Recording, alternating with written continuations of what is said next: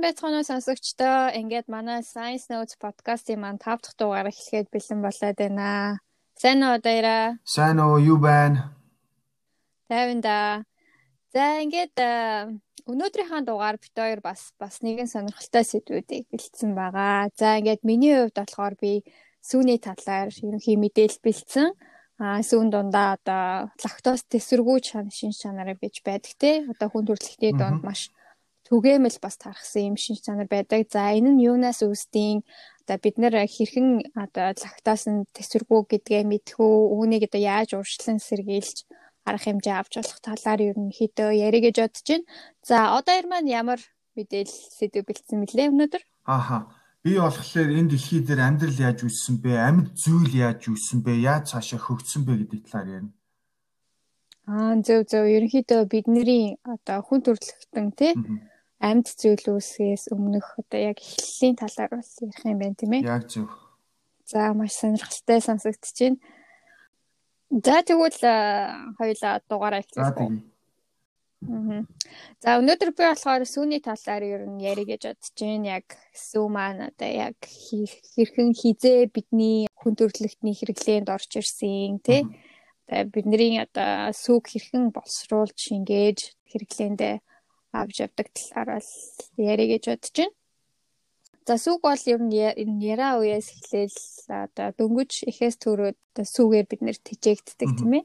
За сүү нь болохоор одоо нэрэ хүүхдэд хэрэгцээтэй гол тижээл шим тижээлийг бол агуулж яадаг. Зүүнд бол уураг байна хамгийн гол тий. Уураг, нүүрс ус, өөх тос, витамин, за эрдэс бодис ам усыг бас агуулж яадаг дотроо. Кальц бас Тийм. Аха минерал эрдэс байц дотроо кальциус их гол үгийг гүйцэтгэн. За тэгээ сүүнд бас хөхтөн амьтдад их хөвчлэн одоо эмгэгчин амьтад нь илүү одоо сүү үйлдвэрлэх чадвартай байдаг боловч зарим тохиолдолд болохоор эргэж амьтад бол сүү үйлдвэрлэж чаддаг юм байна. Одоо үүнд жишээ нь жимснээс арсан дагвайхаа ямаа муур гэх мэт бол амьтад юм байна. Аа сүү нь бол амьдтын үр төлөйг одоо 6-аас эхний одоо 6 сард нь бол хоол тэжээл хашаардлагатай бүх бодисуудаар нь бол сүүн нь бол хангаж чаддаг юм байна. За ялангуяа хамгийн чухал нь болохоор нөгөө нэг сүүгээр хоол одоо нэраа өгтөө сүүгээр хооллож өөрийнхөө анхны одоо хялгааны системийг бол тогтоож жишээ нь бол сүүнд бол уураг болон эсрэг биетүүдийг агуулж идэг. Амьтдын үр төлөйг бол нэм бактериас бол хамгаалдаг юм байна. Нөгөө тийм болохоор ээжүүдийн чинь хөхөөрийн хоол төр гэдэг үстэй тий хүүхдүүдээ. Харин тий. Ер нь бол хөхөөрөө хооллохыг зөвлөдөг тийм ээ. Аль болох. Аа. За тэгээд сүү бол хамгийн анх хизээ бидний хэрэглээнд хэрэглэгдэж эхэлсэн бэ гэхлээр энэ маань болохоор бүр 11 мянган жилийн өмнөх түүхт холбогддог юм байна юу мал амтан юу гэдэг вүлээ? Өржүүлж нөгөө нэг гэршүүлснээс ихсэн гэсэн үг үү те? Харин тийм 11 мянган жилийн өмнөөс одоо хүн төрөлхтөн анг өөрөө хийж амьдардаг байснаас тариалан эрхлэж амьдарч одоо суурин амьдрал шилжиж одоо тижээр амьдтыг бол тижээж хэлсэн. Одоо янз бүрийн хоол ундны хомсдолд ороод ирэх үед ялтчгүй нөгөө тижээр амьдтынхаа сүг одоо хоол тэжээл болгон ашиглаж эхэлснээр одоо сүү хүн төрөлхтний байнгын хэрэглээний нэг бүтээгдэхүүн болж эхэлсэн юм байна. За тэгээд Нью-Йорк Times дээр гарсан нэгэн сонирхолтой нийтлэлээр юу байсан бэ гэхлээр 5300 га жилийн өмнөх одоо Италийн Альпийн нуруунд амьдарч байсан нэгэн хүний гений мэдээллийг бас судалж үзсэн археологийн үлдэгдэл дээр нь олдврыг нь ашиглаад За тэгээд энэ хүн нь болохоор 46 настай байсан. Бор нүдтэй, бор үстэй, 0 бүлгийн цустай. Энэ хүний одоо өхлийн шалтгаан нь болохоор суманд оногдож өгöd болсон байсан. За тэгээд өвдөгний бас баг зэрэг гэмтэлтэй гэж одоо генетик мэдээлэл дээрээс нь үндэслээд ийм мэдээллүүдийг бол цуглуулсан юм байна. За тэгээд надаа бас нэг сонирхолтой санагдсан зүйл нь юу гэхээр чинээ одоо энэ хүн суманд хоногдож өөд болоогүй байсан ч гэсэн ирээдүйд ер нь зүр судасны өвчтөнөөр бол өөд болох магадaltaй байсан юм байна. Судалгааны хариу гарсан. Тэгэхээр энэ нь юу гэсэн үг вэ гэхээр одоо хүртэл бид нар одоо зүрх судасны өвчин ерөөдөө байдаг штэ. Гэтэл тухайн 5300 жилийн өмнөх үед үеийн хүн төрөлхтөнд бас зүрх судасны өвчин бол бас гол сонирхол байсан гэдэг нь бол надад айгүй сонирхолтой санагдсан. За тэгээд ерөнхий гол сэдвүүдэд орох юм бол энэ хүний ген дээрээс үндэслэгдээд бас нэгэн мэдээлэл олсон нь бол энэ хүн бол лактосын төсвөргүй хүн байсан. За тэгээд судлаачид юу гэж үзэж байна вэ гэхлээр тухайн үед одоо тэжээр амьтдын сүү хэрэглэх нь одоо бага байсан. Цөөрөн амьдралаас илүү одоо анг өөрөө хийх хийх нь бол зохилжсэн учраас тухайн үеийн одоо бас биед хүрсэн хүнд бол сүү хэрэглэх бол шаардлагагүй ялангуяа лактоз одоо сүүний сахар болох лактозыг бол боловсруулах шаардлагагүй байсан учраас энэ энэ хүн нь одоо лактоз тесэргүй байсан гэж үзэж байгаа юм байлээ. Ер нь бол хэдэн зуун жилийн туршид одоо гений өөрчлөлтөнд орж хүн төрлөختөн бол сүүг боловсруулж одоо лактозын тесэргүй чадвар гэхлээр бас сүүж хэсний дараа бидний нарийн гидсэнд одоо лактейз гэсэн энзим ферментийг ядгаруулдаг. За энэ фермент нь болохоор лактозыг галактоз болон глюкоз гэсэн жижиг сахаруудад хувиргадаг юм байна. За ингэснээрээ лактоз нь бол бидний нарийн гидсэнд боловсрогдож одоо гидсний ханаар дамжаад цус руу олшин гэж урд юм байна л та. Хэрвээ лактейз гэсэн энэ энзим фермент байхгүй бол лактоз маань лактоз глюкоз руугаа хувирч чадахгүй учраас бидний нарийн гидсэн дотор болох хуримтлагдана. За ингээд бидний гидсэнд ашигтай бактери гэж байдаг штеп. Хэрвээ бид нар лактозыг одоо шингээж авч чадахгүй байх юм бол нөө бактери ашигтай бактериуд маань лактозоор хооллоод хий гаргадаг. Тус нь тэсвэргүй хүмүүс маань сүү уугаад эхлэх юм бол гидсэн дүүрдэг тий хотоод нь цанхаадаг. Би бол яг л тийм юм байл л дээ. Лактосын толерант гэх тийм одоо өвчтөл гэж ярина шүү дээ. Тэгээ одоо Mayo Clinic-ийн юугаар мэдээлэлэр бол лактосын толеранс гэдэг чинь бол өвчин л гэсэн байлээ. Тэгээд би бол яг ийм байлээ. Нөгөө Монголд байхдаа энэ чинь мэдтгүй байсан чи эний чинь юм өвчин ч юм уу, юм шинж тэмдэг ч юм уу, ийм байдаг гэдгийг мэдэхгүй нөгөө айрыг уугаад ч юм уу, тарг уугаад ч юм уу, гиз өвдчихдэг, эсвэл толгой молгоо эргээд идэг, машин интерд явхлаар бөөлжчихдэг. Тэгэхээр манай ээж энэ төр уурлаад байдаг байсан. Чи ч одоо ямар хаашаа өөхт вэ те би яа чи ингээд зүгээр байж байгаа өвчих юм тэргээд тэгээ сүүлд ингээд уншаа сонсоод ингэлээр өвчл байсан юм байлээ л дээ. Аха харин тийм ер нь чи хэдэн настай байсан бэ тэгээ Одоо ч гэсэн адилхан шүү дээ. Одоо ч гэсэн ер нь бол ихсэн уух юм бол ер нь бол баг зэрэг гидс бол өвдөн. Гэтэ бол зарим хүмүүсийнх бол бүр айгүй их өвддөг гэсэн гидсэн өвдөр унтаж чаддгүй ч юм. Минийх бол яг тийм биш. Арай нэг жоохон майл дунд зэргийн өвчтэй ч юм уу тийм. Аха. Одоо хүмүүс болохоор нөгөө нэраа үедээ болохоор лактейз фермент энзимийг агуулдаг учраас сүг бол боловсруулд юм байна. А тэгээд нэраа үеэсээ том болоод ирэх тусам сүг боловсруулах лактейз энзим маань багасж ирд юм байна. Нас ахих тусам одоо сүг боловсруулах бидний чанар маань одоо багсан гэсэн үг л дээ. Миний хувьд бас одоо би сүг боловсруулж сайн чадахгүй болж байгаа юм шиг санагдаж байгаа. Хаяа Харин тийм юм шиг байна. Банштай цай ингээд хоёр нэг аягаас илүү уучаар гиз дүүрээ цанхаагаад айгу хэцүү болчдөг байхгүй юу? Гэхдээ банштай цайнаас татгалзаж чадахгүй штэ тийм ээ. За тэгэхээр лактес төсвөргүй байдал бол бас сони юм байна. Дэлхийд даяар бол харилцан адилгүй тархсан байдаг юм байна одоо зүүн Азийн орнуудад 90-с дээш хувь нь бол лактозын төсвөргүй байдаг бол Европ болон Америкийн орнуудад энэхүү тоон үзүүлэлт нь харьцангуй бага байдаг юм байна. За За яагаад дэлхийд даяар ингээд харилцан адилгүй тархсан бэ гэхэд тэгэхээр фермийн амьдралд шилжээ, тэ трейлингийн суужин амьдралд шилжээд ферм эрхэлдэг хүмүүс маань бол дэлхийд даяар бол тархан нүүдэлсэн юм байна ферминг амьдралтай хүмүүс маань бол бусад ангороо хийдэг хүмүүсийнхаа бодвол илүү одоо сүү боловсруулах чадвартай гэсэн үг. Энэ ферминг амьдралаар амьдардаг хүмүүсийн одоо нүүдлийг дагаад энэ хүү лактоз нь төсвөртэй болон төсвөргүй харилцан адилгүй генетик байдал боллоо хүн төрөлхтөнд бас харилцан адилгүй тархсан байдаг юм байна. Маш сонирхолтой сэдв байна. Надад ялангуяа их холбоотой юм байна. Надад ч бас. За. За жишээлбэл над шиг юм те өвчтөө ч гэдэм үү одоо ийм шинж тэмдэгтэй э, хүмүүс бас зөндөө байна одоо сүү ухаараа гэж нүвдчихдэг. Энэ хүмүүст одоо хандаж хэлэх зөвлөгөө байна уу? Энийг одоо эмчлэх арга байдсан болов Мм. За хамгийн гол зүйл нь бол нөгөө лактоз лактоз агуулаагүй сүүс үн бүтээгдэхүүн хэрэглэн гэсэн үг шүү дээ. Одоо гадуур маш их лактозгүй сүүнүүд зарагдчихээн тийм ээ. Аль болох сүүс үн бүтээгдэхүүнийг хэрэглэх хэрэглээнд анхаарна гэсэн үг. Юу нь бол хамгийн гол нь хэрэглээндээ сүүс үн бүтээгдэхүүн аль болох хэрэглэхгүй байх. За хэрэглэсэн ч бага хэмжээгээр хэрэглэх. За бага хэмжээгээр одоо бислэг гэдлээ гэхэд хажууд нь одоо жимс жимсхэн ч юм уу тий хамтд нь юм дагуур одоо шингээхтэн туслах зүйлүүдтэй хамт ингэж хэрэглэх. За мөн бас нэмэлтээр lactate, lactase ferment маань одоо лактозыг боловсруулах lactate lactase ferment маань одоо бэлтгэл байдлаар зарагддаг. За үүнийг бас сүүсөө бүтээгдэхүүн хэрэглэлтэй бас хэрэгжилж болно. А ерөнхийдөө бол өдөрт бол нэг стакан суухад бол янз бүрийн асуудал үүсэхгүй байх гэж бодож чинь тухайн үний лактозын тесвэргүй байдал нь хэрэг байгаас хамаараа тий. За жишээ нь чи бол зүгээр нэг нэг стакан мэлк өдөрт уучч Оо нэг нэг бол нэг асуудалгүй. Тэрнээс илүү болоод ирэхлээр бас асуудалтай. Монгол жишээлбэл те энэ лактозын толеранс гэдэг сүү ухлаар гидсэн өвддөг ч юм уу энийг бол мэдэхгүй хүмүүс бас байж магадгүй шүү дээ над чиг тийм ээ мдээгүй хүмүүс тэгвэл бас мэдэж авсан байх гэж бодож байна. Харин тийм генетикийн одоо удамшилтай холбоотой ажиллах угаасаа энэ лактозыг төсвөрлөж чадахгүй, лактоз шингээж чадахгүй хүмүүс ч бас байна тийм ээ. За тэгээ сүүний талаар харилцан адилгүй мэдээлэлүүд их байдаг штэ сүү ашигтай юу, ашиггүй юу гэл тийм ээ.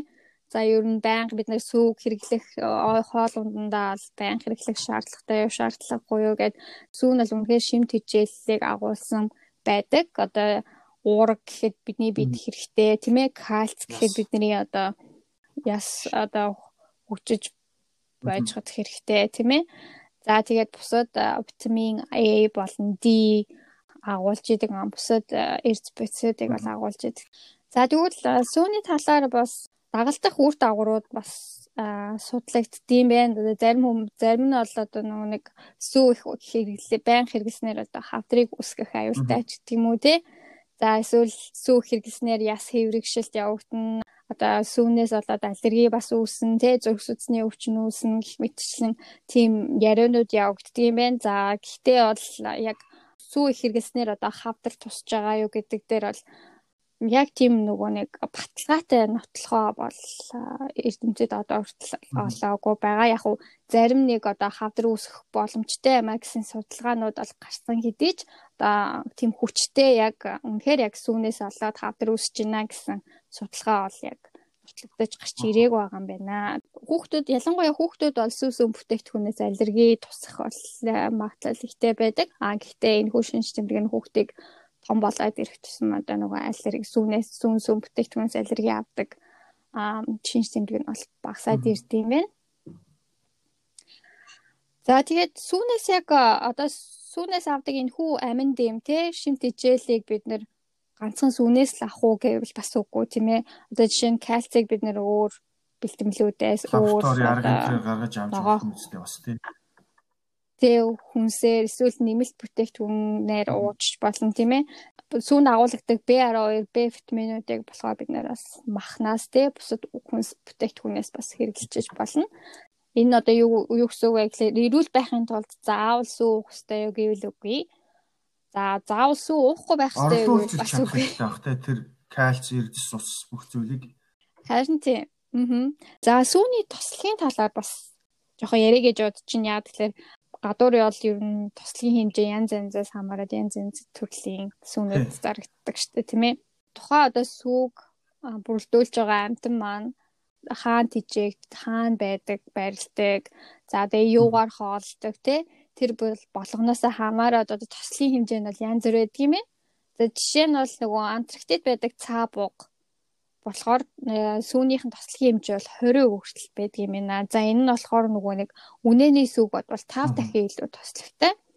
Мэдээж хүнд э, одоо хэцүү хүүтэн нөхцөл үр зулцгаа одоо тижээж авч явахын тулд одоо цаа бугын бол сүүний тослог нь бол ийм өндөр хувьтай байдаг байх гэж бодож байна. Сарлагын сүү чинь бас өндөр тослогтой гэж ярьдаг шүү дээ тий. Тийм шүү дээ тий. Монголд сарлагын сүү их тослог. Аа.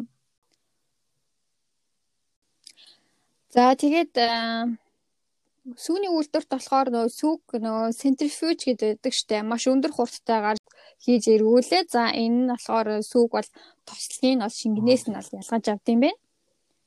За ингээд тослогийн тусдаа гаргаж авсныхаа дараагаар цэцгийн бяцлаг энтрийг хийж болно тийм ээ. За бас тослогийн буцаагаад янз бүрийн хэмжээгээр сүүнд буцааж хийгээд одоо төрөл бүрийн туслахтай сүүг бол гаргаж авдаг. Бидний мэдэх нөгөө whole whole milk гэх нэг улаан цагт Америкт бол улаан цагтаа зарагддаг тийм. Энэхүү бүтэн тослогтой сүүн маань болохоор тослогийн хэмжээ нь бол 3.5% байд юм байна. За тослогийг багасгасан сүү болоод ирэхээр тослогийн хэмжээ нь бол 1-ээс 2% байдаг. За 0.5%-ийн тослогтой болоод ирэхээр одоо тослоггүй сүү буюу skim milk болт юм байна. За тэгвэл яагаад сүү гашилтаг вэ гэхээр мэдээж түүхий сүү бол маш хэмжээний микробуудыг агуулж идэг.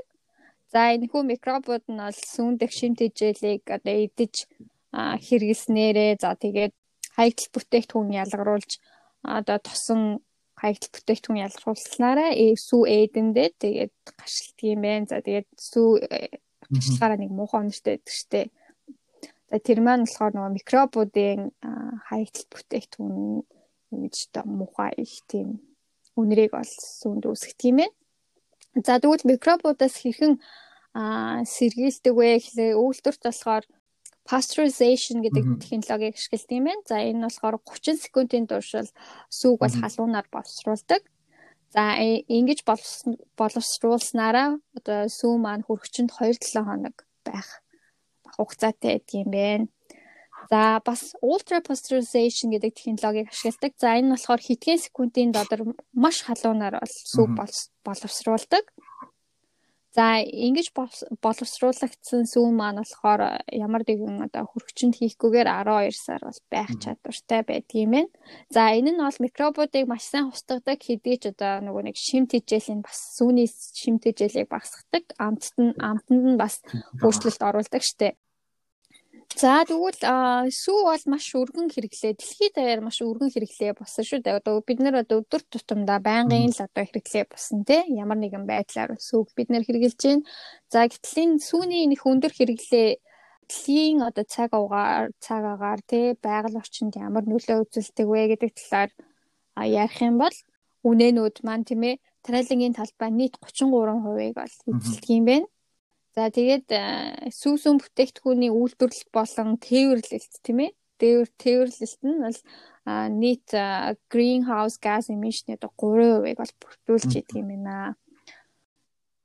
Тийм агаарыг бол бас их хэмжээгээр бүрдүүлж байна гэсэн үг тийм ээ.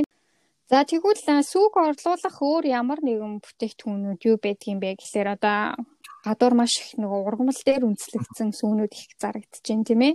Жишээ нь одоо soy milk, almond milk, oat milk, за тэгэл rice, cashew хамгийн их түгээмэл хэрэглэгддэг нь болохоор нөгөө soy milk буюу буурцгны сүү. За буурцгны сүү нь бол илүү нөгөө үнэний сүүтэй адилхан байдаг юм байна. Бусдыгаа бодвол. За бусад урмал дээр үндэслэгдэж гаргаж авсан энэ хүү сүүнүүд дээр маань илүү нөгөө витамин тэжээлийн байц хийж ээж бол үнэний сүүтэй адилхан болж ирдэг юм байна. За за. Тэгээ ер нь гэхдээ тэгээд э, ургамал дээр үндэслэгдсэн энэ хүү сүнүүд маань жоохон э, үнэний сүг бодвол амт муутай дээ.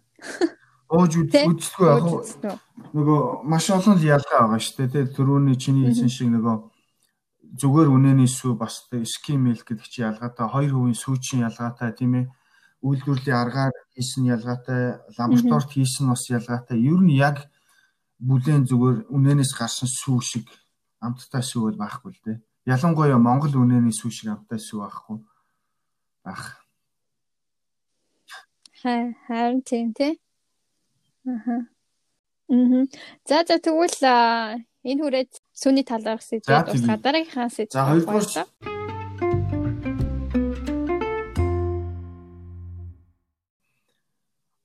хоёрдугаар хэсгээрээ тийм ээ. А би бол амьдрал дэлхий дээр хэрхэн яаж үүссэн бэ, хизээ үүссэн бэ, юунаас үүссэн бэ гэдэг талаар товчхон ярих гэж бодлоо. За за манай дэлхий бол ойролцоогоор 4.5 тэрбум жилийн настай эпизод 4-тэй 4-р подкастаараа дэлхийн насын тухай, одны тухай бол ярьсан байгаа. За тэгээд анх бол шин дэлхийн үүссэн ихэнх үедээ бол маш халуун байсан. Хэдэн зуун тэрбум Цельсиус те Цельсийн градустай байсан. Тэгээд үн яваа явандаа бол маш ихээр бороо орж далайг үүсгэсэн юм байна. Далайнуудыг тийм ээ. За тэгээд ер нь бол анхны амьдрал бол далай дунд үүссэн. За амьдрал гээд ингээ ярихлаар чинь амьдрал гэж юу вэ гэдэг юм гурван төрлийн шалгуур үүд юм байна л да. За нэгдүгээрт бол амьд зүйл ч юм амьдрал бол тий орчиндөө дасан зохицох чадвартай байх хэвээр. Хоёрдугаарт энерги гаргах чадвартай байх хэвээр. Өөрөөр хэлэх юм бол метаболизм гэж ярьдаг шүү дээ. Тэгээ өөрийнхөө дотоод энерги зохицуулдаг энэ чадварыг хэлж байна. За гуравт нь үржих чадвартай. За янз бүрийн үржлийн арга байна, эсийн хуваагдлын арга байна, бас бусад одоо төрлийн үржлийн замууд байна. За амьдралын химийн бүтц юу вэ гэж байна. Ер нь бол амьд ис тодорхой химийн бүтцтэй. Жишээлбэл хамгийн гол химийн амьдралын химийн бүтц нь бол амино аксид буюу амин хүчил гэж байна. За чихэр буюу sugar те. За эдгээр зүйлүүд аа сахар эдгээр бол амьдралын хамгийн гол химийн бүтцээ. За дараачийн асуудал бол амьдрал яаж үүссэн бэ гэж байна. За олон судалгаа баримтаар 3.5-аас 3.8 тэрбум жил орчмын үед энгийн бүтцтэй нэг эст амьд зүйл бий болжээ гэж байна. За өөрөөр хэлэх юм бол те дэлхийгээс дэлхийн үүснээс хойш нэг тэрбум жилийн дараа анхны амьдрал үүссэн гэсэн үг шүү дээ. За энэ нэг эст зүйл маань биологийн эволюцийн дагуу бол үүсээгүй. А яагаад тэгэхээр биологийн эволюцийн дагуу одоо биологийн эволюцийн дагуу үүснэ гэхэлэр үржлийг бол шаарддаг. Эсийн хуваагдал ч юм уу янз бүрийн үржлийн хэлбэрийг шаарддаг. Харин анхны нэг эст амтан бол хими элементийн нэгдлээс үүссэн.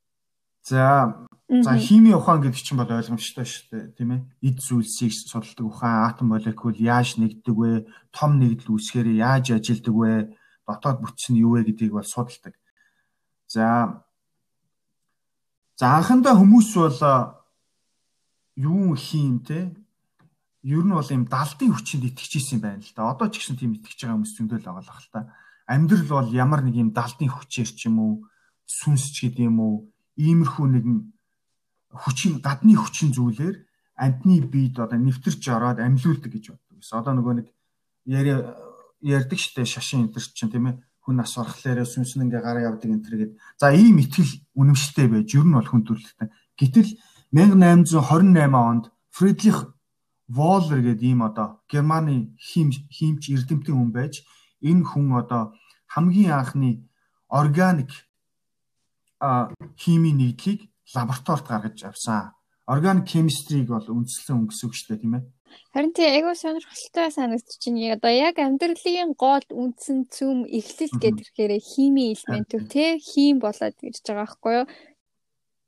Энэ органик одоо тий амьгүй зүйлээс амьд одоо органик зүйлийг бол гаргаж авсан.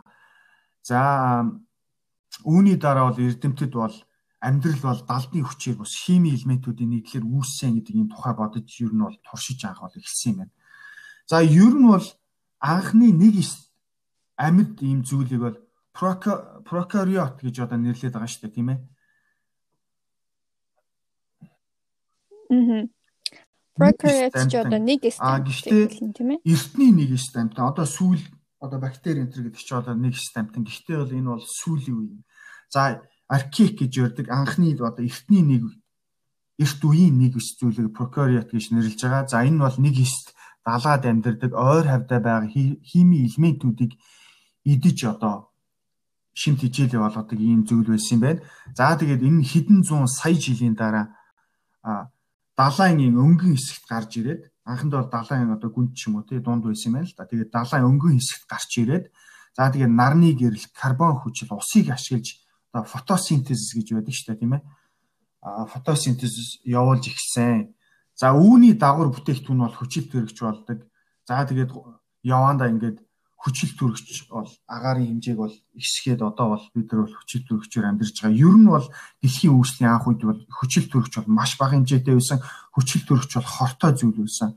Тэгээд тухайн үед хүчил төрөгчөөр бус анаэробик үлээ хүчил төрөгчөөр бус амьдардаг одоо амьтад бол зүйл бол зөнхөлдөг байсан. Тэгээд ихэнх нь бол устж алга болж исэн байна. За за тэгээд энэ прокариот чинь яванда нэг тэрбум жилийн дараа буюу одоо ойролцоогоор тий 1.6 2 тэрбум жилийн өмнө одоо eukaryote гэж одоо ийм өөр шин орчин үеийн ийм одоо энэ бол нэг эст зүйлийг болсон. Гэхдээ eukaryote гэдэг нь болохоор одоо жинхэнэ эс гэж байгаа байхгүй. Өөрөөр хэлэх юм бол энэ prokaryote-с ялгаатай нэг зүйл нь болохоор мембрантай тий одоо мембран нэг эсийн хантай дээрээс нь дотроо цөмтэй одоо илүү одоо advanced одоо дараачийн одоо илүү том одоо тэгээд онлын дагуу бол prokaryote нь болохоор нэг эс зүйл байжгаад санаандгүй байдлаар одоо өөр нэг эс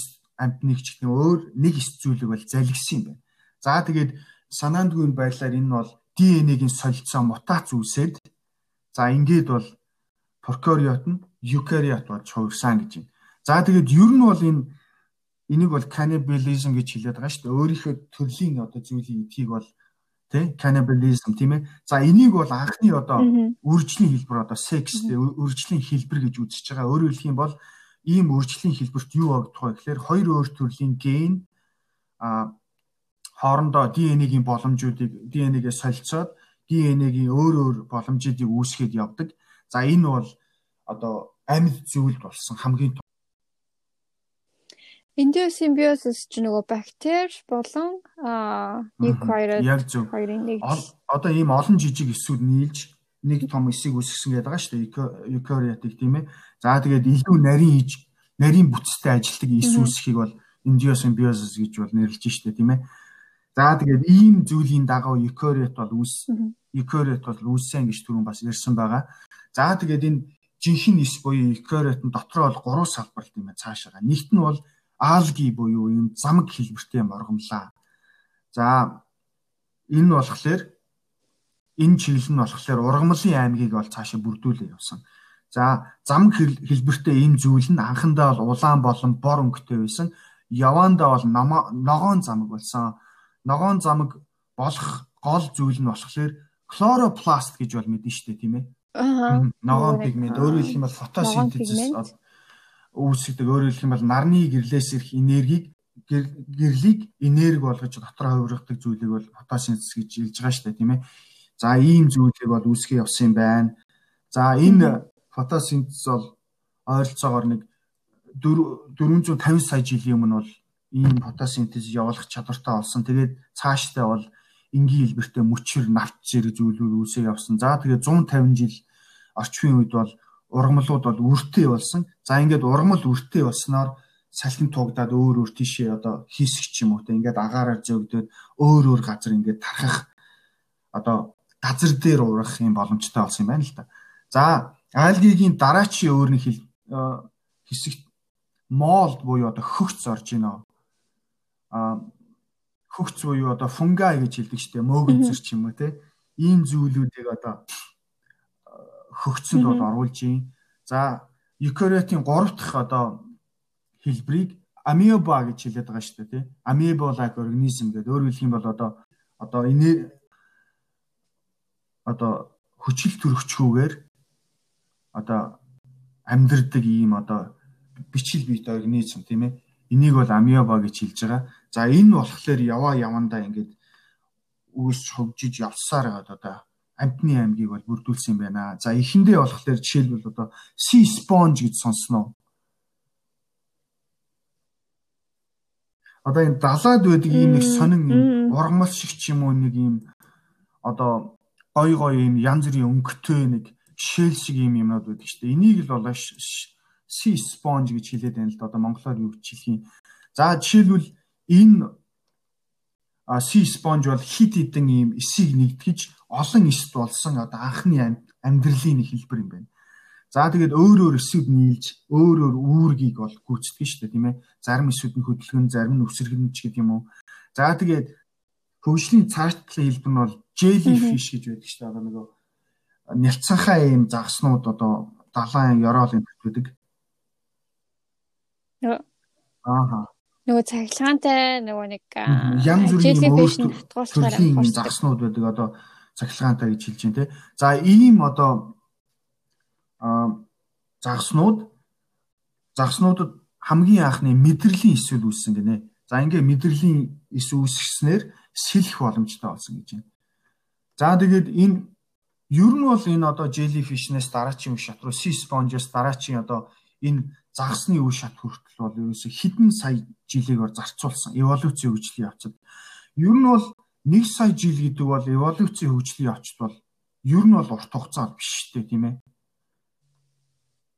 Богино хугацаанд бол ер нь бол орж байгаа. Ялангуяа одоо прокариот гэдэг анхны тэр нэг зүйл одоо eukaryote гэдэг одоо жинхэнэ ис мембрантай ис болохын тулд 1 тэрбум жилийг зарцуулсан гэдээ үзэж байгаа байхгүй жишээлбэл тэгэхээр ийм одоо хугацаанд ярихад бол ер нь бол бага хугацааг бол бага хугацаа гэж үзэх юм байна.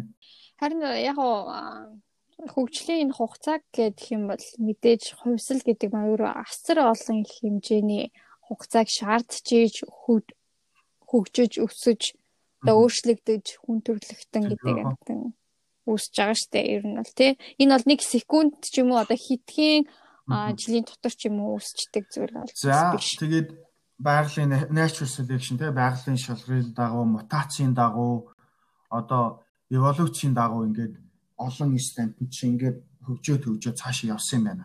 За тэгээд ер нь бол ингэчи энэ сэдвээ ингэсийг зогсоогоод дараа дараагийн сэдвэрээ бид нар одоо одоогийн амьдрал хүн яаж бий болчихв гэдэг талаар цааш цаашдаа одоо үргэлжлүүлээ идэх үү. За зүгээр товчхон энэ дээр хүн төрлөختөн хүртэл ямар замаар явсан бэ гэхээр төрөүний ярьсан олон эст амтнууд нь болохоор нуруундаа ястай амтныг үүсгэсэн гэж байгаа. Тэр нь загас ч юм уу янз бүрийн нуруундаа ястай амтныг үүсгэсэн. За тэр амтнууд нь болохоор нөгөө маамалс гэж түрүү ярьсан шүү дээ. Нөгөө хөхтөн амтныг үүсгэсэн. За хөхтөн амтны төрөл нь болохоор хомонид гэж ярьсан шүү дээ. Нөгөө Неандертал энтер гэдээ ярьсан. За хомонидыг үүсгэсэн. За тэгээ 7 сая жилийн өмнөөс бол хомонид үүсээд ойролцоогоор 200 мянган жилийн өмнөөс бол Homo sapiens буюу бол хүнийг үүсгэсэн гэдэг ингээд бол цаг хугацааны дагуу бол ингэж явж байгаа. Гэхдээ энэ талаар дараа дараач сэдвэр бол илүү дэлгэрүүлээд ярьчих. Мм зөв зөв. За за тэгвэл дараа дараагийн сэдвэрээр бид нэр илүү сонирхолтой мэдээллийг бол одоо яраасаа хүлээх нэ. За за ямар ч байсан бидний одоо хүн төр амьд зүйл гэдэг те амьд зүйл үүсч өгчих талаар сонирхолтой мэдээ бэлдэж хүргэсэн одоо ихтэй маш их баярлалаа. За за энэ хүртэл хамтдаа байсан нийт сонсогчдоо маш их баярлалаа. Ингээд дараагийнхаа дугаараар уулзтлаа. Түр баяртай сонсогчдоо.